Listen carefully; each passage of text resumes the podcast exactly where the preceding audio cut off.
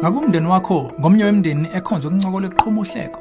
Ngakuba uzithola wenza ihlaya ngamanye amalungu omndeni ze wonke umuntu ahleke. Ukugcona abanye kungenza umndeni unamathelana nokho uma kwenziwe ngendlela engalungile ukugconana kungaholela odweshini olukhulu emndenini. Sizokhuluma kabanzi ngobuhle nobubi bokungcofana nokugconana emndenini. Khona la ohlelweni ezomndeni. Hlala nathi. Angiphinde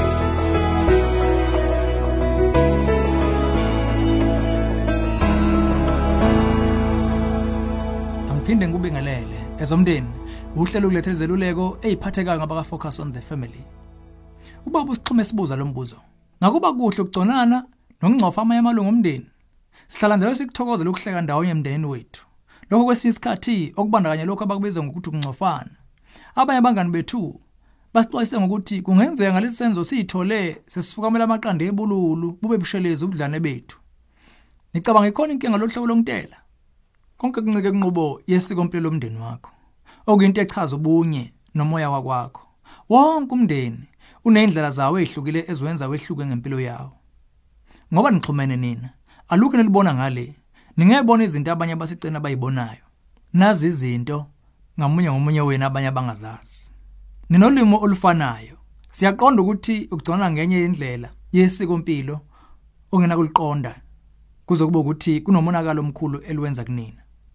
Ngawolunye uhlangothi uma kuukuthi ukugconana akuwona umgogodle kuphilisaneni komndeni wakho uzosazela wena. Kulapho la khona wonke umuntu ezoba nomuzwa ukuthi kunamalungu omndeni angenami ngakho. Lo ogconwayo nguye ozokhombisa kuqala ukuthi akathokozile. Konke kuncike endleleni engcwana ngayo. Uma isiqinisebenzisayo ungenasiqinisekiso sihle noma sibi, sikhuthaza uziphi ithuba ukuhlola inhloso esuka inamathele ehlayini. Ngakuba amahlaya alolwa ngokulimaza umuntu kumbe enzelwe ukumnika ithuba abengcono kunaqala. Uma omunye vesathi niyakhumbula ngamhla usithe yafanekisa. Ngakuba ukusho ngenhloso esakumncoma nokumthanda kumbe ngoba efuna ukubukisa ngaye. Kungatolokela ngendlela yokumkhonza kumbe ukumhlasela. Konke lokho kuyoncike emndenini ngamunye ngamunye. Njengoba sesike sabeka phambilini ukuhlola lokhu kuncike ekutheni lo ogconwayo yena uzizwa enjani.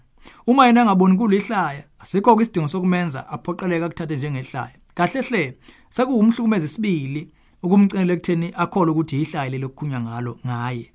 Isiluko sethu lesi. Ungaloku uthi udayisa inhlonipho ngenxa yehlaya. Kukhona amahlaya ehlisa isithunzi bese uba namahlaya akhulisa ukuhlonipheka komuntu ngamanye amgcine ehloniphekile nje. Qinisekisa ukuthi wonke umuntu ekhaya uyawuqonda lo mehluko. Fundisa izingane zakho ukuthi ihlaya lencike ekucupheni kahle isikhathi. Bachazela ukuthi kunesikhathi nendawo yakho.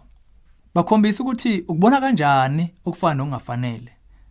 Basiza ukubona ukuthi nanxa abanye bethatha amahlaya njengento enibumbayo nengumndeni, kodwa bakhona abanye abakubona njengento elimazayo nezithuko. Okwesibili, qinisekisa ukuthi nantoni na eyenzeka ekhaya wonke umuntu akezwe ikhala indawo ephephile nefudumele kuba kuyo. Uma amahlaya ehlaba eza kamuncu. Lokho kuyonqamula ukuxhumana. Lokho ngahola kukho konke ongekuhle kokuqhelelana ekhaya. Esimene sinjalo kubiza kuba ubaba nomama baye kujuleni bathola ukuthi yini le enye eqhubekayo kahle hle. Kunesinye isisho siyayisithi amaqiniso amaningi axoxwa efakwe subhlay kodwa uma kugcona sekuba into yokufaka usawuti esilondeni sokubiza bonke abantu bayeka amahlaya la ekhaya. Izinto zempela eziphethe kabi umuntu kumele azisho ngqo ngokwethembeka nokubonisana hayi sakugcona kumbe sabuhlayi lolu hlelo ezomndeni ulethulelwe yi-focus on the family sihlangabezwa hlelo oluzayo sesihlabelisa phambili umndeni